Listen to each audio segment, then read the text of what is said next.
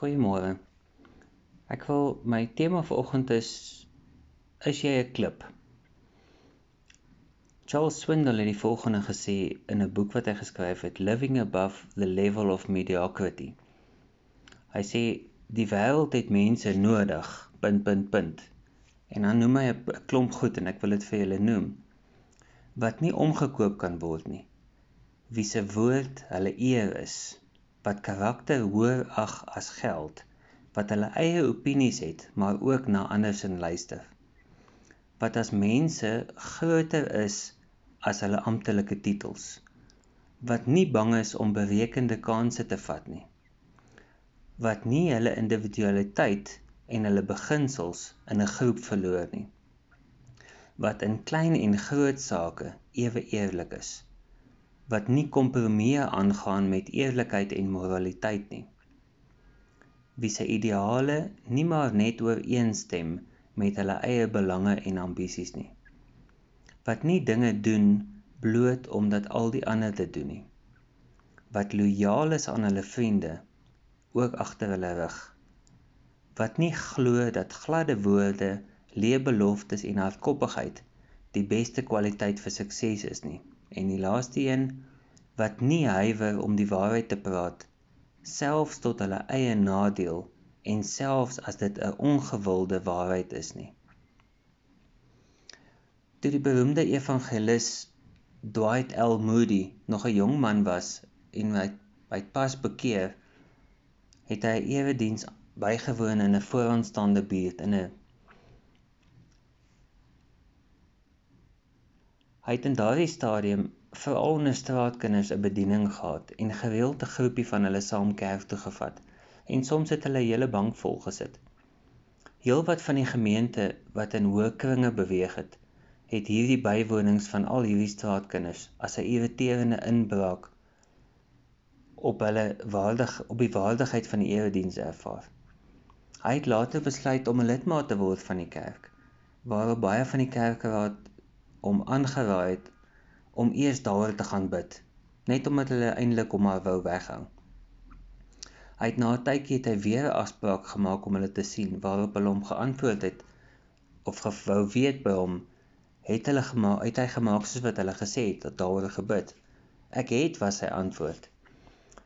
En het die Here jou enigstens aangemoedig het hulle gevra. O ja, sê hy weer. Hy het vir my gesê ek moet my bes probeer om lidmaatskap te kry om meer betrokkenheid van die gemeente by die straatkinders te bevorder. Hy het ook gesê dat ek nie moet sleg voel omdat die gemeente my tot dusver wou aanvaar nie. Hy sê hy probeer nou al 25 jaar net om 'n voet in die deur te kry in hierdie gemeente. My skrif vir oggend is 1 Petrus 2 vers 4 en 5. En dit sê Julle het na Christus toe gekom, hy wat die lewende hoekklip is van God se geestelike tempel.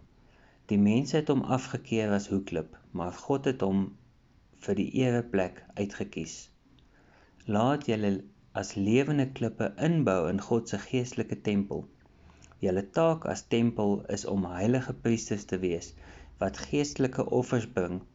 God aanvaar hierdie offers juis omdat Jesus Christus die hoekklip is. Ek wil vir jou vra, soos ek begin het, is jy 'n klip?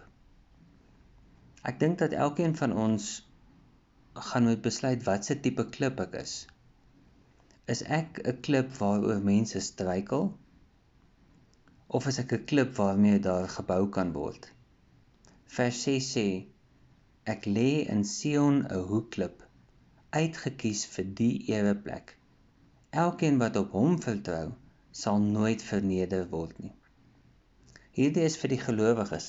Dis 'n die hoekklip is die klip wat eers te vasgemessel word wanneer daar 'n gebou gebou word.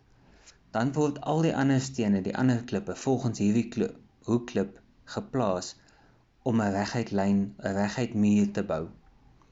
Die hoekklip is die standaard, die riglyn wat gebruik word waar volgens die ander stene gepak word. Vers 8 sê die volgende skrifdeel geld ook vir die wat nie glo nie. So hierdie is vir die ongelowiges, vir die klippe wat ander laat struikel. Hy is 'n klip waaroor mense struikel, 'n rots wat jou laat val. Hulle struikel omdat hulle nie aan God se woord gehoorsaam is nie. Hulle was vir hierdie struikeling bestem. Wie hierdie is die mense, wil ek vir jou nou amper sê dat dis daai klomp mense wat in die kerk sit wat dink hulle is gelowiges wat voorgee. Goed. Ek hoor hulle praat van 'n rugbywedstryd iewers in Oktober wat gaan gebeur waar Rassie en een van die ander Springbok afrigters om die beurt 'n speler gaan trek totdat hulle elkeen 24 spelers het. Daar word 60 spelers gekies om in hierdie bondel te staan. So daar is 12 wat nie gekies gaan word vir 'n span nie. Wat volgens die afrigters nie goed genoeg gaan wees vir hulle span nie. So hoekom gaan jy outjies wat jy nie gaan speelkans gee nie? Dit is nou soos die klip wat eenkant gegooi word deur die bouers omdat hy nêrens gaan inpas nie. Hoe sorg ek dat ek 'n bereikbare klip is? Ek dink om om nie te stagneer nie. Wat bedoel ek hierby? Om nie stil te staan in jou geloofslewe nie. Deur aanhoudend te groei deur volkome aan God toegewy te lewe. 1 Petrus 1:13 tot 16 sê: sien met verwagting uit na die genade wat julle wat vir julle gebring word wanneer Jesus Christus weer verskyn. Sorg dat julle helder dink en gedissiplineerd lewe. Wees gehoorsaam aan God, want julle is sy kinders. Moenie weer soos vroeër julle natuurlike neigings die oorhand laat kry nie. Julle het destyds nie van beter geweet nie. Soos hy wat julle geroep het heilig is, moet julle in julle hele lewenswandel ook heilig wees.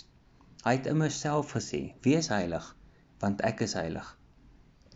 Ons moet met 'n verwagting lewe. Vers 13 sê dat ons moet met verwagting uitsien na Christus se wederkoms. Dat ons moet dink wat ons doen en dat ons gedissiplineerd moet lewe. Hoe doen ons dit? Jy het 'n boek iewers in jou huis wat ek hoop nie onder 'n klomp stof lê nie. Wat vir jou rig duidelike riglyne kan gee hoe om dit te doen. 1 Petrus 2 vers 1 tot 3 sê: "Julle moet julleself distansieer van alle slegte gedrag, van elke vorm van valsheid, van voorgee wat julle nie is nie, van jaloesie en alle kwaadpraatery. Hiervoor moet julle genoeg geestelike melk inkry." Smag daarom na hierdie voeding soos pasgebore babatjies na hulle ma se melk sodat julle daardeur kan groei tot volwasse verlosters. Julle het mos net na julle weergeboorte klaar geproe hoe goed hoe goed God is. Ek en jy is nie beter as iemand anders omdat ons gekies het dat Jesus Christus ons verlosser moet wees nie. Ons het hierdie voordeel, maar dit gee niemand van ons hier reg om af te kyk na iemand anders te te doen nie. Die enigste tyd wanneer ek kan afkyk na iemand anders toe, is wanneer ek daardie persoon ophelp. Wanneer mense begin vuil grappies vertel rondom die braaivleisvuur, draai om en soek ander geselskap. Jou aksies sal jou misnoot te kenne gee. Vereenselwig jou met mense wat jou opbou, nie afbreek nie. Om tyd te spandeer met opbouende mense in God se woord met aktiwiteite wat iets vir iemand anders beteken, is jy besig om stadig maar seker te beweeg van melk na styk toe, weg van purity af na vaste kos toe. Soos wat 'n babatjie smag na sy ma se melk, so moet ek en jy smag na God se woord. Dis soos om te begin hardloop. Nie spens toe of toilet toe nie, op die pad. Aanvanklik is dit moeilik, dan kom daar 'n stadium wat jy elke geleentheid wat jy kry, wil gaan hardloop. Dit raak lekker. Dis lekker om te sien hoe jy fiks word. Minder blaas en jy hardloop verder. Jy weet dat God goed is vir jou. Jy het dit al ervaar in jou lewe. Ek ervaar God se guns in my lewe elke dag. Hoe meer ek dit raak sien, hoe meer sien ek dit. Handelinge 4 vers 13 en ek wil dit vir jou lees uit the Passion Translation uit sê the council members were astonished as they witnessed the bold courage of Peter and John, especially when they discovered that they were just ordinary men who had never had religious training. Then they began to understand the effect Jesus had on them simply by spending time with him. Dis die effek wat die hoekklip op die ander klippe het. En dis die effek wat Jesus op Petrus en Johannes gehad het. Then they began to understand the effect Jesus had on them simply by spending time with him. Ek wil afsluit. Gaan God van jou sê dat hy al vir hoeveel jaar sukkel om 'n voet in jou deur te kry? Gaan jy die Heilige Gees toelaat om jou te verander? Om aan jou te kap met 'n bytel sodat jy kan inpas by die hoekklip? Gaan jy deel uitmaak van God se lewende tempel? Twee vrae nog. Wat hoor jy van die Heilige Gees af vandag? Wat sê die Heilige Gees vir jou? 'n Laaste opmerking. Doen iets daaromtrent.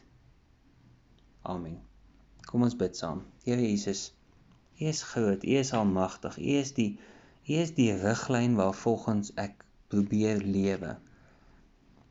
Vader en ek en ek bid regtig dat mense rondom my, mense wat na hierdie boodskap luister, dat hulle dit sal inneem, dat hulle dit sal agneem, dat hulle dit sal deel maak van hulle lewe, dat hulle U sal deel maak van hulle lewe. Here dat hulle minder en minder sal wees en U meer en meer in hulle lewens sal wees. Vader help help my dat ek dat ek sal inpas by die hoekklip, dat ek dat ek sal toelaat dat die Heilige Gees my sal sal vorm sodat ek kan inpas sodat ek kan inpas by hierdie lewende tempel van God. Dankie daarvoor.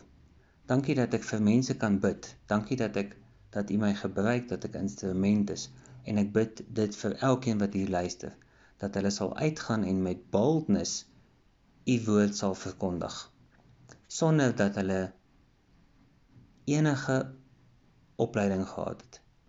Ek bid dit in Jesus se naam. Amen. Vrede vir julle.